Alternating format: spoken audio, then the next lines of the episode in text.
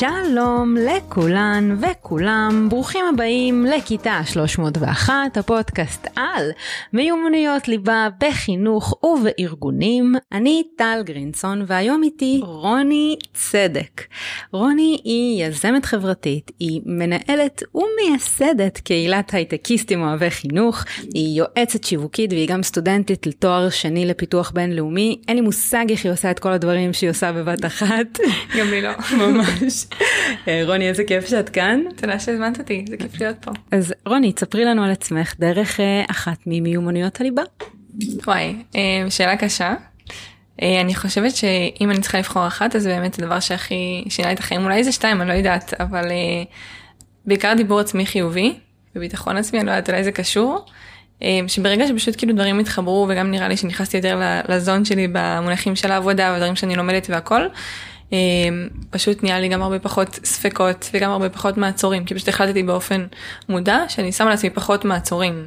אה, הסתכלתי אחורה על כל הדברים שעשיתי ובאמת אה, יזמת חברתית כאילו באמת נראה לי הייתי בסקייל קטן יחסית של כאילו קבוצות קטנות כזה קבוצת כתיבה קבוצת פסיכודרמה אמ, כל מיני דברים כאלה שהכל היה מדהים והכל היה מאוד קטן כאילו 30 אנשים מקסימום. ואז אמרתי כאילו למה למה אני מפחדת? כאילו למה אני מגבילה את עצמי? אה, כנראה שאפשר יותר, כאילו הייתי תקופה קצרה מדריכה במוזיאון אה, פרס לחדשנות.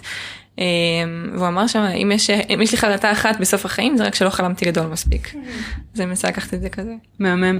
האמת שזה קטע עם אה, מיומנויות ליבה כאילו לגמרי מתחברת לדיבור החיובי הזה ולחלום גדול ולעשות ו- וזה גם אחת מהסיבות שאני כל כך אוהבת את ההתעסקות במיומנויות ליבה כי בסוף אני חושבת שזו שאלה של איך אנחנו הופכים להיות הגרסה הכי טובה של עצמנו. Mm-hmm.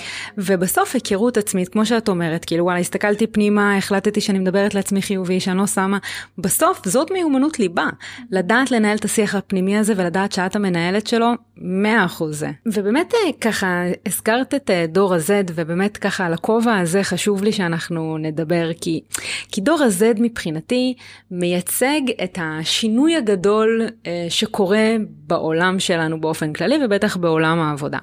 ו, וזה קטע כי, כי באמת אנחנו כל הזמן מדברות ומדברים ועל לינקדאין ו-AI ופוליטיקה ואתה כן. תמיד מדברים על איזשהו שינוי גדול שקורה אבל זה לא כאילו שינויים לא קורים בבום זה דור Z אחד וזה טכנולוגיה כזו וזה מקצוע קטן שמשתנה ולאט לאט הכל הופך להיות איזשהו גל והגל הזה זה השינוי הגדול. ואני רואה את דור Z כהניצנים שמייצגים את זה, כי דור Z ממש עכשיו נכנס לתוך עולם העבודה, הם מתחילים להיכנס גם כג'וניורים וגם יותר מזה, גם מקבלים תפקידי ניהול אה, קטנים אה, יחסית להם, כי הם צעירים. ואני רוצה שתספרי לנו קצת על הדור הזה. מה אה, שונה בו בעולם העבודה מדורות אחרים? וואי, אה, קשה להתחיל לענות על השאלה הזאת, ונראה לי ש... בדיוק כמו שקשה למנהלים או לאנשים לאכול את הדור הזה בכלל. מי הם? כן. מאיזה שנים זה מוגדר דור ה-Z ומה מאפיין אותם בכלל? אמ, יש על זה הרבה debate, אבל אמ, נראה לי זה כזה 96 זה הגבול התחתון כרגע. אמ, עד 2001-2005, לא, לא זוכרת בדיוק, אבל זה כאילו צעירים כרגע זה כזה בני 25 עד 18. Mm-hmm. אוקיי, okay, אז אני אתחיל באפיזודה קטנה שאני למדתי חינוך בתואר ראשון, חינוך ויחסים בינלאומיים, ואחד ה... כאילו, לא יודעת מה, הנקודות ש, שכזה ממש נכנסו לי לתודעה, זה איזושהי חוקרת, יוליה משהו, אני לא זוכרת, אה, יוליה קגן אולי, שהיא אמרה שלפי מחקרים אנשים נפתחים הרבה הרבה יותר מהר אה, באינטראקציות של מול מסך. זאת אומרת כאילו אנשים בני נוער אה, שמתכתבים לא יודעת מה פעם היה צ'אטים, היה צ'אט רולט, היה ICQ, mm. כל ה-shit הזה, אבל היום כאילו יודעת, וואטסאפ, טינדר, אמ, אינסטגרם, כל הדברים האלה, אנשים נפתחים כאילו בחצי שעה הראשונה, מה שהם לא נפתחים באינטראקציה face to face, אחרי שעתיים או אחרי יומיים אפילו, יש שם את המידע המדויק, כן. ואני חושבת, זה כאילו אחת החברות הטובות שהיו לי, היא, היא הייתה בת 19 כשאני הייתי בת 23 בערך, וזה אחד הדברים הראשונים ששמתי לב לגביה, שכאילו כזה, too much up front כזה, אוקיי? כאילו ישר כזה חושפת את הכל, משתפת בקבוצות גם, כי בגלל שהייתי חברה שם בפייסבוק, אז כאילו פתאום אני רואה כזה משתפת באיזה קבוצה של נשים, את הדברים הכי אישיים. וזה כאילו, מצד אחד את אומרת, כאילו, מה נראה לה? כאילו, מה, מה הלך שם? לא לימדו אותה על פרטיות, לא לימדו אותה כאילו מה מספרים, מה לא מספרים, אבל זה גם מחזק את העניין הזה שתוכן והקבוצות והעולם הווירטואלי הזה, זה כמו ההורים שלנו, כי את לא תתייעצי, כאילו, הרבה פעמים בשבילם, הם לא התייעצו עם ההורים שלהם על דברים שקשורים למיניות וכל מיני דברים כאלה, אבל ברשת הם מרגישים מאוד מאוד בנוח. אשכרה. כן, למרות שזה יכול להיות האימא של השכנה, כן? אבל כאילו מבחינתה זה כאילו אה, סוג של אה, גירוי נמוך יותר באיזשהו מקום, היא גם לא צריכה להיחשף. אה, וגם כאילו ההשלכות שמה הבן אדם הזה חושב פחות מעניינות, הבן אדם הזה הוא פחות מוחשי. אז זה כאילו איזשהו משהו מעניין. מעניין, כי היא לא אנונימית למעשה נכון. בקבוצות האלה. כאילו הייתי חושבת, נגיד לרשת יש את האפשרות אה, לתת לנו את, ה, אה, את המעטה הזה, אבל, אבל היא לא אנונימית, אז זה מעניין. אוקיי, אז הם מה שנקרא ילידים דיגיטליים, למרות שכבר הפריחו את המושג הזה, אבל הם כן נולדו כשדיגיטל היה הרבה יותר אה, אה, מסביבם. אה, אני חושבת על זה שאת הטלפון הראשון שלי אני קיבלתי בגיל 14, וזה היה כאילו מוקדם יחסית. כאילו, קיבלתי בכיתה א'. בת כמה את? 33. אז אני בת 25, אז זה בדיוק אותו הפער הזה. ממש, אז אני חושבת על זה ש, שאת יודעת, אני לא נולדתי עם הדבר הזה, obviously זה כן חלק מהחיים שלי כרגע. אבל, אבל אני לא נולדתי עם זה, ויש את הסיפור הזה של להיוולד לתוך המציאות שזה כבר קיים, שאני מניחה שזה חלק mm-hmm. מההתנהגויות האלה. אז הם מרגישים יותר נוח מול אה, מסכים. מה זה אומר לעולם העבודה, ומה עוד הופך אותו לשונה מדורות אחרים? אמ, האמת שדווקא את הדוגמה הספציפית הזאת הבאתי בעניין של, של הכנות. זאת אומרת, אה, הם יגידו, אני גם רואה את זה בתקשורת שלי מול אה, הלקוח העיקרי שלי, לפעמים בוס, לפעמים שותף, משהו מסובך כשלעצמו, זה, זה נראה לי גם חלק מהעניין. שזה תמיד משחק, כאילו גם עד כמה לשתף, ואני בן אדם יחסית כנה, ואני יודעת גם שככל שנשתף את הדברים האלה יותר, אנחנו נפתור את הדברים יותר מהר, כאילו, חבל להתעכב על זה. מצד שני, כאילו, עד כמה לשתף את הסמיכים, ראיתי איזושהי כתבה שכזה מצופה מהמנהלים שלנו להיות פסיכולוגים שלנו. אה, שזה בכלל נושא כשלעצמו, ואני חושבת שככל שאנחנו אה, מתעסקים, ועולם העבודה היום הוא תעשיית ידע, אה, ההון האנושי בנוי על הידע שלנו, כמה אנחנו יודעים, על כמה יש לנו skills וכאלה, ככל שזה נהיה מיומנויות מסדר חשיבה גבוה, מה שנקרא, אנחנו צריכים לעבוד הרבה יותר על מוטיבציה, הרבה יותר על לשכנע את הבן אדם למה זה חשוב שהוא יפעיל את התאי המוח שלו בשביל זה, שהוא ירגיש מעורב, שהוא יעשה את המעבר, כי לפעמים המעבר הזה זה יכול להיות לעשות את ה-reach out לעוד בן אדם אחד או שתיים. גם אני עכשיו אה, במחקר שלי אז כאילו באחד המחקרים אה, ללקוחות אז יכולתי לדבר כאילו רק עם בן אדם אחד עכשיו יכולתי גם לא לדבר איתם בכלל יכולתי אני יכולה לדבר עם חמש או עם עשר אני אחליט מה דרוש בשביל שהעבודה תהיה טובה מתייחסים אליי כבעלת מקצוע אז העניין האישי והמוטיבציה שלי גורמים לי לעשות נגיד יותר. אמ, או נגיד כאילו אם אני עובדת אצל מישהו או שאני עובדת על פרויקט מסוים אף אחד לא יגיד לי לפרסם בקיר הפרטי שלי. ברור שאם אני אעשה את זה זה ייתן הרבה יותר תוצאות. אז כאילו יש הרבה יותר חשיב, חשיבות לעשות את הדברים ביחד ולשכנע את הבוס צריך לשכנע את העובדים שזה חלק מהפרויקט חיים שלהם גם. וזה מורכב. אז דור Z למעשה חוץ מהעובדה שהם אה, ילידים דיגיטליים נשתמש במושגים האקדמיים וחוץ מהעובדה שהם כנים באופן אה, אה, יותר, יותר קשה לעיכול עבור דור אה, הוואי ובטח דורות לפניו. Mm-hmm. הם גם צריכים מוטיבציה אמיתית וכנה למה ממש. שהם עושים. הם צריכים כן. להבין את הרצ... הם צריכים להבין את הלמה מאוד מאוד טוב. כן, להבין את הלמה, להתחבר אליו, שזה יישב להם נכון ב... במקום שהם נמצאים בחיים כרגע, ובסיפור הגדול שלהם גם. שזה עניין, כי זה לא רק, זה גם בכלל לשאול את השאלות האלה על עצמי. האם אני רוצה עם זה, כי אנחנו שוב, דור ה-Y, לקח לנו הרבה זמן להתעורר ולהבין, וואלה, אני לא חייב לעבוד באיזה corporate שלא בא לי לעבוד, אני יכול לעוף על הפאקינג טיול שלי וללכת להיות מורה או לעשות Whatever. ולנו לקח הרבה זמן להבין את זה. ואת אומרת, זה אינהרנטי לתוך דור הזה, כן. זה בעצם חלק מהתפיסות שלו. חד משמעית, אני חושבת שזה דור שלא סובל bullshit, אי אפשר לשקר לו בכלל, והרבה פעמים הם, הם שוברים סמכות בקטע הזה שהם יודעים הרבה יותר מההורים, כאילו בדברים מסוימים, או יודעים על אופציות, כאילו שמה שאני עושה עכשיו, ההורים שלי לא מבינים, כאילו עד שלא הזמנתי אותם לכנס, לכנס impact הראשון שלנו, אה, הם לא הבינו מה אני אעשה, גם כאילו זה, זה מורכב להם להסביר, אם שהיא חושבת שאני מוכרת אוויר, אה, והיא לא מבינה ש... לא באמת, עכשיו זה נכון, אבל, אבל כאילו מה זה אוויר? האוויר הזה זה המחשבות שלי, זה הצורת חשיבה, זה, זה המחקר, זה, אני לא יודעת, זה המון המון דברים שקשה להסביר אותם באמת, כי זה לא מוחשי. וזה גם לא כאילו deliverable כזה שהוא, את יודעת, יכולה לאחוז בו בסוף, נגיד כאילו, מתכנתים, יש להם מוצר בסוף, גם אם הוא כאילו וירטואלי, גם אם זה מחשבון, אבל יש מוצר בסוף. אז אפשר להקביל את זה באמת למשבר של עולים חדשים. שבעצם נגיד תחשבי על אה, אנשים שעלו מאתיופיה, ואז בעצם ההורים פחות מתאקלמים לשפה, לתרבות והכל, הילד מקבל את זה בבית ספר, הוא יודע את השפה, הוא מקריא להם, גם אצל עולי רוסיה יש את הדבר הזה, אה, מקריא להם את המכתבים, נהנה, נהיה גם מבוגר אחראי בעצמו באיזשהו מקום, אה, ואז בעצם השאלה מה התפקיד של ההורה, כי בסופו של דבר, כאילו כשהם היו נגיד בארץ מוצא שלהם, אז האבא הוא מפרנס והמוביל, אה, ההורים יודעים מה הם עושים והם מנחים, לוקחים את התפקיד המבוגר, אה, נותנים את ה, מה שנקרא אה, order, direction and protection בעניין של מנהיגות, של מה שמצופה מסמכות בעצם, והילד יכול להיות ילד והכל טוב. וכאן יש איזשהו דבר שבאמת הילדים גם מבינים שהם חייבים לכוון את עצמם וגם זה שובר את הסמכות של ההורים. כי בכל דבר שההורים יגידו אנחנו יכולים לבדוק ולדעת יותר טוב מהם ולדעת מידע יותר עדכני. גם לדוגמה התפיסות של ההורים שלי על הצבא כבר לא רלוונטיות כנראה אז אני יכולה לראות אה, משפיענית שעכשיו קיימת בצבא. והיא מספרת לי על דברים מהשטח כאילו first hand. אמ, אז זה גם מורכב. ותראי, בסוף זה כן מאפיין של כל דור שהוא רוצה קצת אה, לבגוד אה, ו- ולמרוד ממה שההורים שלו עשו, אבל אני חושבת שמה שמעניין זה עולם העבודה בהקשר הזה, כי בסוף, אם לי אין סמכות שהיא ברת קיימא, אז אין את מערכת היחסים הזו שהיא מאוד מאוד מאוד mm-hmm. אינהרנטית ומושרשת לדור ה-Y או לדורות אחרים של יש מנהל והמנהל הוא כאילו האלוהים במידה מסוימת ומה כן. שהוא יגיד כנראה נכון וקשה לנו להתווכח ו... כי בסוף כשיש לך את התפיסה הזאת אם את באה למקום עבודה שלא אוחז בתפיסות האלה יש דיסוננס ו- וזה עניין כי mm-hmm. הם באמת צריכים למצוא את עצמם בתוך העולמות האלה המורכבים האלה. אז קודם כל התעשיות האלה מתפרקות חד משמעית אנחנו עבדנו עם כל מיני גופים. אה... עתיקים יותר אה, מסורתיים והם אומרים איך אנחנו מגייסים אנשים צעירים אנחנו ניסינו לשכנע אותם עם משכנתה עם כל דבר אפשרי וזה לא עובד פשוט אנשים לא באים כי הם לא רוצים להיות מזוהים עם הגוף המיושן הזה הם יודעים ש... ואנחנו מכירות אנשים כאלה בעצמנו אה, נכנסים למערכת לשם לחצי שנה, או לא, לא יודעת כמה זמן לוקח להם להבין את הפרוצדורה. הם רואים שאין להם סוכנות, אין להם יכולת השפעה, אף אחד לא אכפת מהדעה שלהם, אומרים כאילו סבבה, לא צריך, גם יש את העניין של הפורמה ואני יודעת מה קורה, אני יודעת מה קורה בשוק, אני יודעת שאני יכולה להשיג עבודה תוך שנייה. אה, אז כאילו, זה העניין הזה. אה, על העניין של סמכות, אז אני חושבת שיש הרבה הבדל כאילו בין מרות וסמכות כזה, authority, לבין leadership.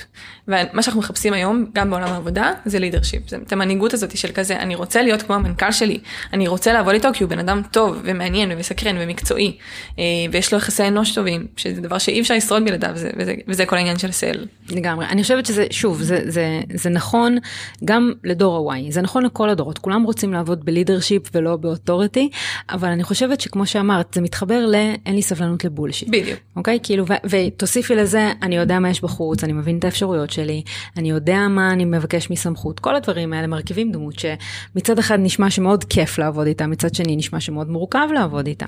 ושוב, זה מתחבר לדיון הראשוני של מיומנויות ליבה ולמה. כי בסוף הם מייצגים אה, עוד גל, אה, ששוב, זה, זה לא גל, זה טיפות קטנות שחודרות בין הזה עד שהן הופכות לגל. ובהקשר הזה, כל הדורות צריכים לעבוד על מיומנויות ליבה, גם דור ה-Z, גם דור ה-Y, כאילו, כולם צריכים להיות בחוסן, לדעת להסתגל, לדעת להשתנות, להיות אה, אה, אה, מוכנים לדברים האלה שמגיעים. אבל מה בין דור ה-Z למיומנויות רכות? כאילו, מה מיוחד בדור הזה אה, ספציפית בנוגע למיומנויות רכות? אז עולות לי, עולים לי שתי רעיונות. אה... אחד העניין הזה שלפעמים לא כל כך למדנו את זה בעצמנו, בבית או לא משנה איפה. אה, אני יכולה להגיד שאת רוב הילדות שלי זה מורכב קצת. אה, אבל נגיד אני למדתי באולפנה, אה, בית ספר דתי, וכן היה שם פנימיה יומיים בשבוע, אז כאילו קיבלתי, כן היה לי את המקום החברתי הזה. מצד שני כולנו יש טלפונים אז כאילו אפשר גם להיות בחדר בפנימיה כל החיים ולהיות בפלאפון אז כאילו זה מאוד מאוד עניין סובייקטיבי שאת מחליטה כמה את רוצה להיות עם החברה אבל בימים שהייתי בבית זה בית ספר אזורי כאילו אה, עופרה אה, וכל אחד כאילו מפוזרת ביישוב אחר שהוא כאילו 20 דקות חצי שעה לפחות אחד מהשני ולא היה לי חברים ביישוב. כל החברים שלי היו וירטואליים באמת כאילו לא, לא רוצה להגיד הקראש הראשון שלי, אבל בין הקראשים הראשונים שלי, הבחור מגרמניה שלא פגשתי עד היום. אשכרה. כן, אז כאילו זה הזיה, אבל זה קיים, הרבה הרבה מערכות יחסים מרחוק. אה, גם כשיצאתי כאילו לאיזושהי מלגה של אה, חודשיים בחו"ל, ובדיוק התחלתי לצאת עם מישהו בארץ לפני כן, היינו כאילו חודשיים ב-long distance, כאילו, אשכרה. כן, הוא בא לאיזה חופשה של שבוע באמצע, אבל, וזה, וזה עדיין, ואני מכירה המון המון אנשים, גם אנשים שהיו בשליחות נגיד, אה, וכזה שנתיים בחו"ל, ועדיין מתחזקים מערכת יחסים, וזה נותן את כל התמיכה הרגשית שאת צריכה, זה הקטע המפתיע. כן, אז העניין שכאילו לא תמיד אנחנו לומדים את זה. דווקא בגלל שיש לנו את האפשרות לחתוך דברים כל כך מהר, לעשות ghosting. אין לנו כל כך הרבה את הזירת התנסות הזאת, בעצם כאילו כל היחסי אנוש זה דבר שהוא נלמד מאוד אה, מניסוי וטעייה וממה המוסכמה החברתית בכלל. אני יכולה להגיד כאילו בתור המהגרת התרבותית שכאילו בחברה חילונית ובחברה דתית ותל אביב וירושלים הכל כאילו המון המון אה, גלויות כאלה. בכל חברה יש נורמות אחרות. אה, אז אני חושבת כאילו שלדור הזה שהוא כל היום כאילו תקוע, לא, לא רוצה להכליל אבל כאילו כן יותר זמן מסך אין מה לעשות. יש הרבה פחות מקום ללמוד את הדברים האלה וגם בגלל העניין הזה שאפשר לוותר מהר אז אני לא יודעת מה אמ, קשה לי עם לקוחות בתור פריאנסרית או אה, עם אנשים אחרים. אז אני יכולה לוותר פשוט, אני יכולה לעבור מקצוע, אני יכולה להגיד שזה אשמתם, אני יכולה להיות מאוד קורבני כל החיים. ולעשות אחלה קריירה ככה, כאילו הכל יהיה בסדר. אנשים ישנאו אותי, אבל אולי אני אחליף ממקום כל שנת עבודה, ו...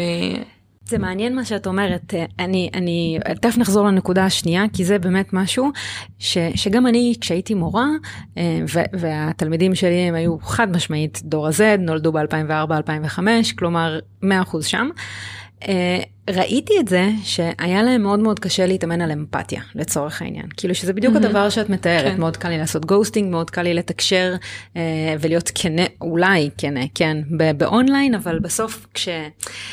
כשאני מסתכל, כשאני פוגע במישהו ואני רואה בעיניים שלו את הפגיעה ואני מרגיש את הקווץ' הזה בבטן ואני יודע שזה השריר של אמפתיה למעשה, כאילו ככה כן. אני מבין את ה... לתקשר, להבין בני אדם, להבין תקשורת uh, בין אנשים, וכשאין לי את זה בווירטואל, אז, אז קשה לי מאוד ללמוד את זה, אז אני מתחברת למה שאת אומרת וזה מעניין, כי אני לא הייתי תופסת את התלמידים שלי כלא אמפתיים, אבל, אבל הם למדו אמפתיה אחרת ממני.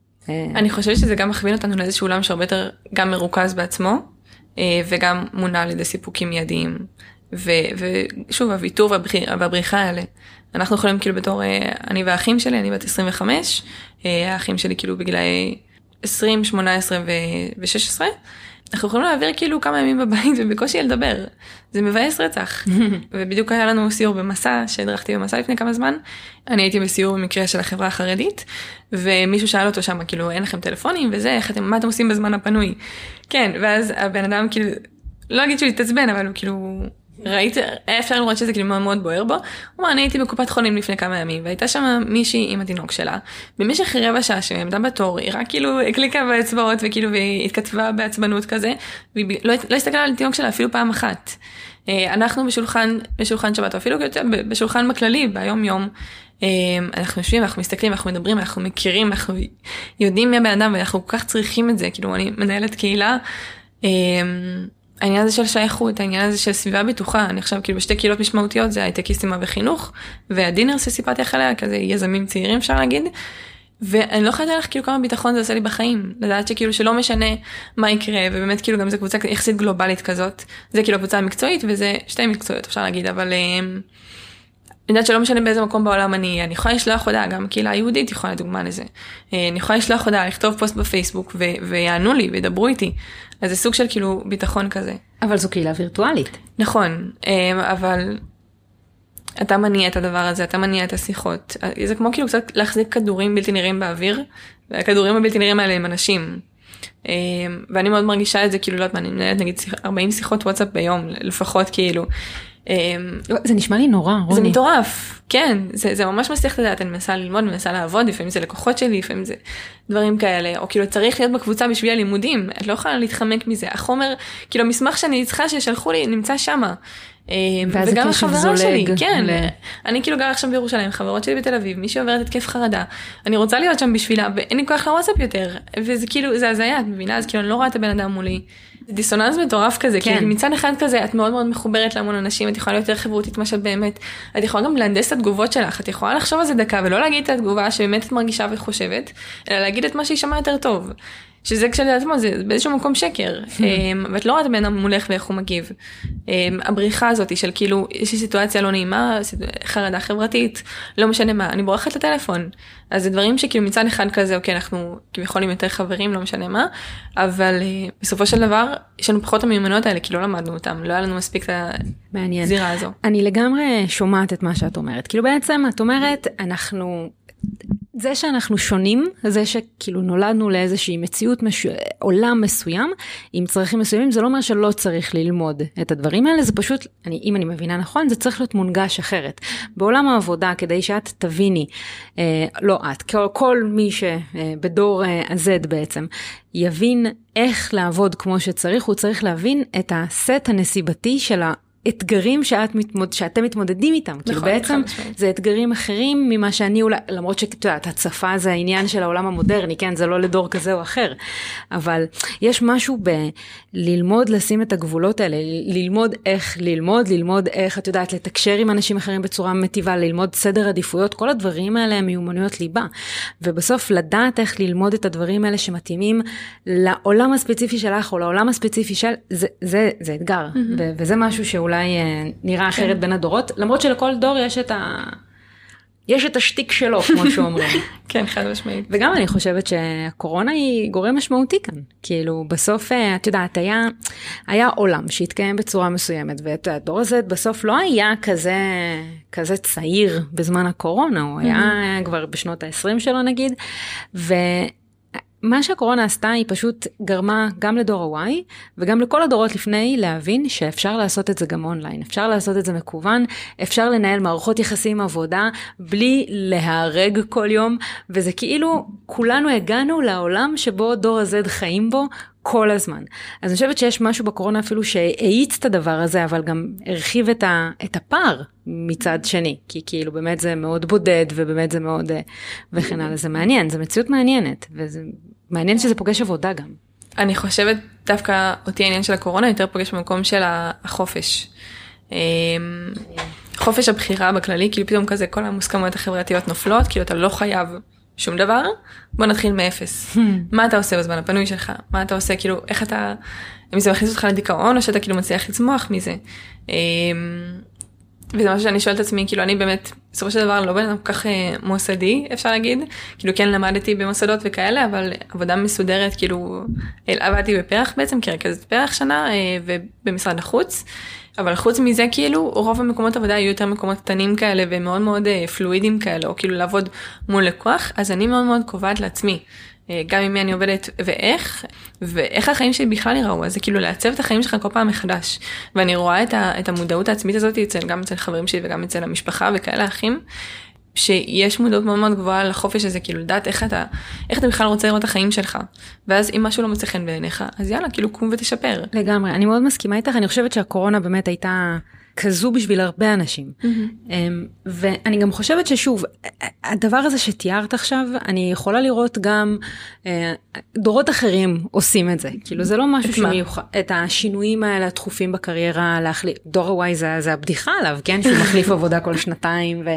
אבל אני חושבת שהתפיסה הזו של החופש המוחלט וההבנה שלא משנה, אני לא חייבת לעבוד כן. בקורפרייט, אני לא, ממש. כאילו, זה שאולי ההורים שלי אמרו לי והגדירו לי הצלחה, זה לא אומר שאני חייבת, mm-hmm. אני חושבת שפשוט, כאילו, אולי כל הדורות עושים את זה, ואולי הקורונה גם מאוד הנגישה את הדבר הזה, אבל אני חושבת שיש משהו בדור הזה שהוא פשוט יותר משוחרר בהקשר הזה, כאילו, פשוט היה כזה, הגעתם אתם לעולם שלנו, ברוכים הבאים, יופי.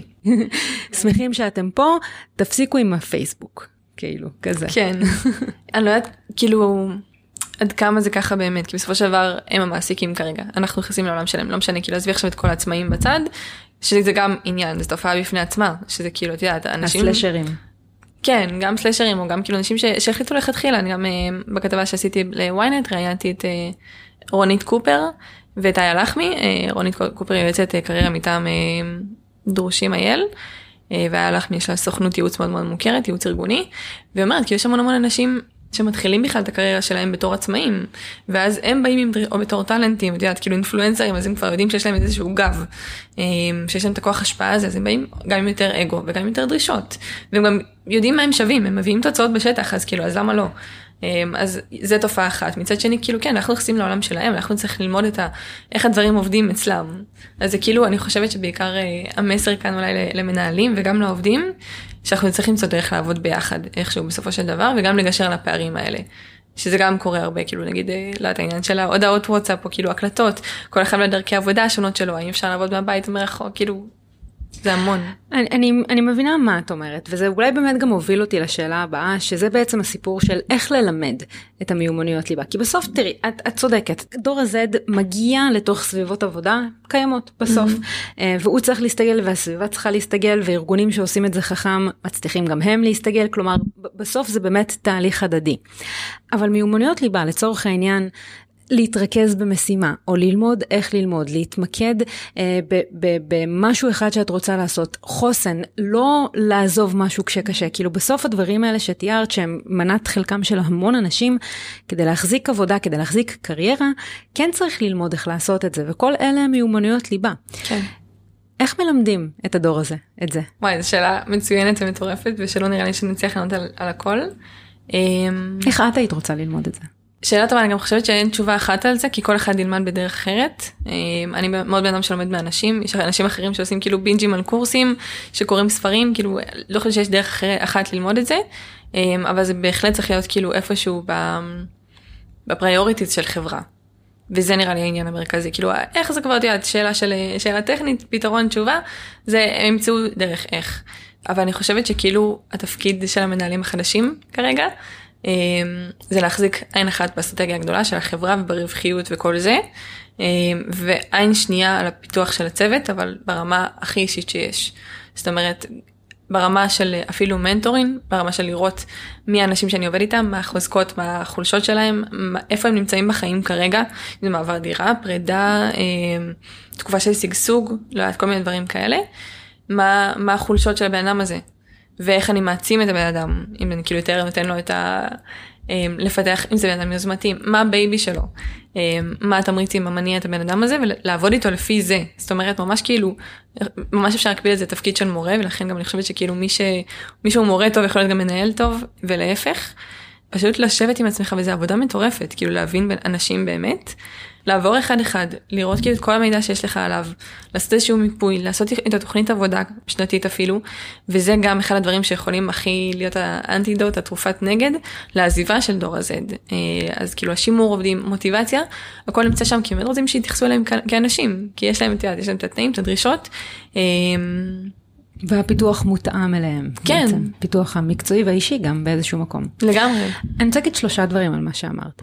קודם כל זה משהו שהוא מאוד רווח. בסוף אני חושבת שאת יודעת אנחנו נמצאות במקום העבודה שלנו ולא משנה מהו כן זה יכול להיות כעצמאיות יכול להיות כשכירות בסוף את, את נמצאת הרבה זמן בתוך מקום העבודה שלך אמ, ואנחנו מתחככות הרבה עם האנשים ועם המקצוע ועם הדברים שאנחנו עושים והדימוי העצמי שלנו מתחכך גם בתוך הקריירה שלנו.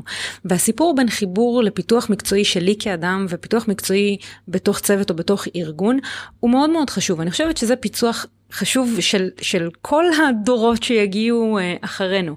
כי כי האישי הוא הפוליטי mm-hmm. כזה, כי המקצועי הוא האישי, כן. והפיתוח הזה הוא, הוא, הוא חד משמעית משהו שהוא חשוב. אמ, וזה גם האינטרס של מעסיקים, בסוף אתה רוצה לשמר את העובדים. לגייס עובד חדש, להכשיר אותו עד שהוא מגיע לרמה של עובד מנוסה, יעלה יותר כסף מלהשקיע עוד את כמה עשרות אלפי שקלים בהכשרה הספציפית לפיתוח הצוות. יחד עם זאת, אני כן רוצה לומר, שכשאנחנו מכירים מאפיינים מסוימים, לא בקטע, את יודעת, גזעני, כל, ה, כל דור הזה הוא כזה, אבל בסוף כשאת מבינה שנכנס אדם, כל אדם, שחושב שונה ממך ותופס דברים, דיברנו מקודם על האנלוגיה הנהדרת שאני הולכת להשתמש בה מלא, על הסיפור הזה שכל אחד ממשש חלק בפיל, mm-hmm, כן. והוא בטוח שזה משהו אחר לגמרי. כן, אמרנו את זה לפני הקלטה. לפני כן. הקלטה, כן, זה, זה, זה אנלוגיה נהדרת, אני אשתמש בה מלא, אבל זה בדיוק זה, כאילו בסוף את יודעת, אם את מגיעה עם, אה, עם mindset של אם מישהו מתקשר אליי, אז מה הוא רוצה ממני המוזר הזה, והמנהל שלך כן. כאילו פשוט מתקשר כי ככה התקשורת הנהוגה, אז האחריות הדדית לנהל את המשא ומתן הזה, את התיאום ציפיות כן. האלה, וזו מיומנות ליבה. כאילו mm-hmm. בסוף לדעת לתקשר את הצרכים שלך ולדעת להגיד רגע מה קורה פה, ולא לוותר ולא לעזוב, אני חושבת שפה זה מאמץ משותף, אבל זה מחזיר בדיוק לאותה נקודה. בסוף זאת האחריות של מנהל הצוות, והאחריות גם של העובדים כמובן שנכנסים לתוך הסיפור הזה, אמ, כדי לעשות את תיאום הציפיות הזה, וכדי להגיע לנקודה שבה העובדים מרגישים ש... שטוב להם והם רוצים להיות פה. אני חושבת שזה כאילו זה מחזיר לנקודות הראשונות שאמרנו על הקטע הזה שבגלל שזה דברים כל כך גרועים כאילו אם את מדברת על גם פועל ייצור יכול להימאס לו, כן? אבל כמה זה כבר ישפיע על, ה, על העבודה. כאן כאילו אם אני לא יודעת בתור קריאייטיב בתור uh, HR לא משנה מה אם אני באה בלי חשק אני משפיעה גם על המון אנשים מסביבי um, וגם העבודה תצא הרבה פחות טוב כאילו או שלא תצא טוב בכלל בכללי כאילו mindset משפיע מאוד על, על כל דבר שאנחנו עושים.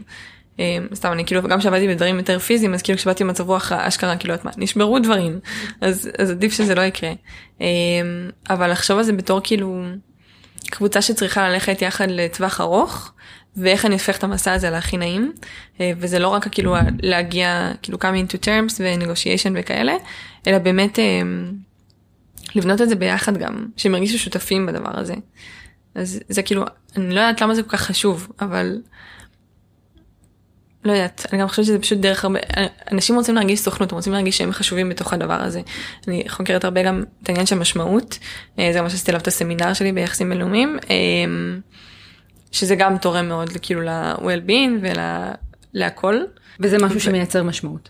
כן, העניין הזה שכאילו של שייכות על העבודה שלך שאתה מרגיש חלק שזה לא, לא יכול להתנהל בידיך שלא היית רוצה שמישהו אחר יעשה את זה. אז את אומרת זה ממש אינטרס של מקום העבודה לשמר עובדים בצורה ודווקא בצורה הזו דרך פיתוח של מיומנויות הליבה שלהם כי גם באופן כללי הדור הזה מאופיין אבל לא רק הוא בעצם כל האנשים שנמצאים בצוות זה חלק מהמוטיבציות שלהם להישאר ולעשות ולהצטיין במה שהם עושים. כן. אבל איפה הגבול ואיפה האחריות שלהם פה? וואי, זו שאלה ממש טובה. כי ארגון לא יכול לעשות הכל. נכון. זה מורכב, כי כאילו חברות נהיו, כאילו העבודה נהייתה המחנך השני שלנו, הבית, הקהילה, כאילו המון המון ציפיות. אני לא יודעת להגיד, להגיד לך על גבול מסוים, כאילו מן הסתם כל ארגון בהתאם ליכולות שלו והכל. מה שאולי כן מעודד זה שזה דברים שהם הרבה פעמים לא מוחשים והם לא עולים כסף. זה לא כמו לעשות אה, happy hour למשרד וכאילו אוקיי זה עולה 2,000-3,000 שקל אה, וזה העלויות שזה עולה אלא באמת כאילו את מה את עושה פיתוח צוות אה, למנהלים וזה יורד ללמטה ואת לא יודעת מה זה גם אולי הבעיה זה אחת הבעיות הגדולות ובטח את כאילו בתור מישהי שיועצת את זה לארגונים תוכל להגיד אבל משהו שיהיה מאוד מאוד קשה לראות את התוצאות שלו. אז כאילו אולי לא תעשי כאילו קבוצת ביקורת בתוך המשרד של אנשים שלא מקבלים את הפעילויות האלה וכאלה אבל זה פשוט, זה משפר ואת לא יודעת איך, זה מה שהכי מעצבן. Uh, הסיפור הזה של uh, יעדים uh, מדידים ואימפקט uh, של השקעה במיומנויות ליבה הוא סיפור שלא מפוצח ו- ומאוד מאוד קשה לכמת אותו כמו שקשה לכמת uh, הרבה דברים, mm-hmm. uh, מיתוג מעסיק, uh, HR, כן. uh, למידה, כאילו בסוף הדברים הרכים הם מאוד מאוד קשים לכימות אבל obviously אנחנו מבינים שהם חשובים כי אנחנו פשוט מבינים שהם חשובים. אמ, כן יש כל מיני דברים של דיווח עצמי ויש אה, בוויקס הם פיתחו איזושהי יש להם שם ממש אה, מישהו שאחראי על פיתוח מיומנויות רכות בתוך הקאסטומר קר והם ממש פיתחו כן אה, וואו. כן כן יש להם דרכים סופרים מילים בתוך שיחות אבל כאילו גם זה... זה נגיד שימי לב שזה מחובר לקאסטומר קר לשירות לקוחות נכון. מחובר לשיחות והכל וגם הם שמו את זה במקום שהוא מאוד מאוד מחובר לשורת רווח. אז כאילו הם לא שמו את זה בפיתוח של העובדים לא יודעת מה של התוכנה. בסדר אבל הם עשו את זה.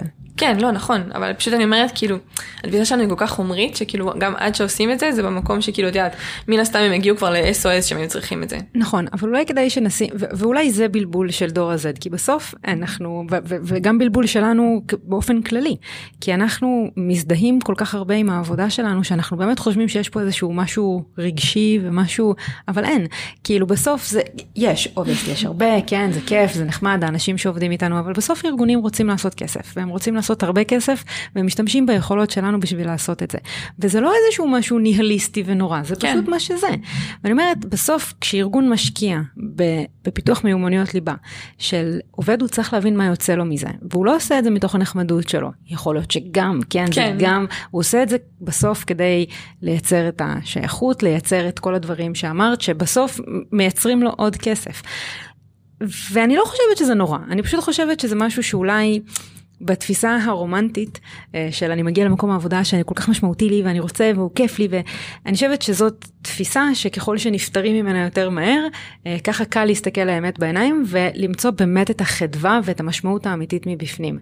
אה, ושוב לא בקטע לא, לא, לא בקטע רע אלא ככל שנפטרים מהתפיסה שהעבודה צריכה להיות דבר כיף. דבר רומנטי שפה אני הולך להגשים, לא, פה אני הולך למצוא את מי שאני כאדם, Mm. וזה המשמעות של מה שאני עושה. העבודה היא מעניין. בהכרח המשמעות של מה שאני עושה. היא לא, היא חלק מזה, היא חלק מעוד דברים מאוד מאוד רחבים שהם אני והם המשמעות שלי. ולשים את כל הביצים של הדימוי העצמי שלי בסל הזה של הארגון, אני חושבת שזה חסר אחריות, ואני חושבת, אבל אני מבינה את זה, כן? כי בסוף את- את צריך למלא את ה- את הבריכות שלנו במשהו עד שאנחנו ממלאים את זה בעצמנו. זה כבר עניין שהוא תרבותי, וזה משהו שכאילו אחריות של כולנו, חד משמעית. נכון, נכון. וגם זה הולך לכיוון השני. אמ, אנחנו מדברות כאן על הצד הטוב, אפשר לומר, של אה, ארגונים שאכפת להם גם מרווח והם גם רוצים שלעובדים שלהם יהיה טוב וכאלה. אמ, איך זה נראה כשלאנשים, שלחברות לא אכפת מה- מה-well-being של העובדים שלהם, או כשלתרבות לא אכפת מזה, אז אנחנו רואים המון המון מנהלים שהם. מכורים לכדורים, או לא משנה, לא משנה. אה, הפרעות חרדה, דברים כאלה. נכון. וזה דברים שגם כאילו, את יודעת, מתוך ההישגיות הזאת, מתוך התפיסה החומרית, מתוך הלחץ הזה שכאילו כולנו חוות, אה, גם בכלל בעניין שכאילו של נשים והורות ואימהות, וברגע שיש לך משפחה זה כאילו פי עשר, אבל אה, כאילו זה לחץ בלתי אפשרי. נכון, אבל זה לא סותר. זה לא שהחברה לא משקיעה ב-well-being שלך. היא פשוט משקיעה כי יש לה אינטרס בזה. חד משמעית זה גם לא בעיה. נכון, נכון. זה, זה, זה, זה, זה שני דברים שונים, Mm-hmm. אבל אני מאה אחוז איתך, כן, אני, תשמעי, הפודקאסט הזה, זה, זה המטרה שלו, כן? כאילו, כן, לקדם את זה. לגמרי מאמינה שארגונים צריכים לעשות, גם בשביל ה-well-being, וכן, בשביל ההרגשה הטובה גם של העובדים, אבל בסוף, כי, כי כשמסבירים מה שורת הרווח, יותר קל לשכנע, כן, חד משמעית. וזה חשוב. אוקיי, אז ככה לקראת uh, סיכום. מה המסר שלך למנהלים, מנהלות uh, שמאזינים לנו כעת? אה, אני חושבת מה יכול לחדש כי מן הסתם אה, יהיו פה טובים וחכמים ממני. אז על העניין שכאילו של להשקיע בזה זה נראה לי כאילו goes without saying ומי שמקשיב לזה מן הסתם הוא לא הבעיה. הייתי אומרת אולי גם לעובדים לדחוף את זה או כאילו כל אחד במקום שהוא יכול. אה, ומה שאמרת- על, אחריות אישית. אז אני חושבת שכאילו ש... שזה אולי כאילו את יודעת הדבר שהוא הכי אמ, לא קשור לארגונים אבל הוא קשור מאוד כאילו לחיים בכללי שככל שאתה מתפתח אתה מפתח עוד דברים איתך. זאת אומרת ככל שאני משקיעה ב... לא יודעת מה. בפעילויות פנאי שלי בללכת לפסיכולוג ולא משנה מה וכאילו לא משנה בכמה כסף זה גם מתבטא זה נותן השראה לאנשים אחרים סביבי זה הופך אותי לבן אדם נעים להיות סביבו אז אני חושבת שכאילו וכאן זה מחזיר באמת את הכדור לידיים של הבן אדם וגם לא, לא עניתי לך לגמרי על מה שאמרת ואני חושבת שכאילו יש כאן איזשהו גבול של מוסר מוסר עבודה ומוסר בכללי של כאילו אני לא אקח יותר ממה שאני אה, נותנת אה, אז זה משהו שכאילו גם נתון בידיים של, ה, של העובדים. אה, אבל כן להחזיר את האחריות אלינו ולא לחכות שמישהו אי שם למעלה יעשה את זה אלא כאילו לעשות את העבודת התפתחות האישית שלנו ושל הניהול העצמי. Uh, טוב, וואי, רוני, זה היה סופר מעניין, שיחה לא שגרתית, יש לומר, uh, בדרך כלל בפודקאסט הזה. כן, אבל, זה uh, כיף. מלאת ערך, ממש למדתי. תודה גם אני נהניתי להיות פה תודה על ההזמנה. Uh, תודה שהיית פה, ואתם, אם uh, נהניתם כמו שרוני ואני נהנינו, אז אתם uh, מוזמנים ומוזמנות להעביר למישהו אחר שיהנה ככה נכון. מהפרק הזה כמוכם. וכמובן לדרג את הפודקאסט לפחות בחמישה כוכבים. אני לא מוכנה לשום כוכב אחד פחות. כן.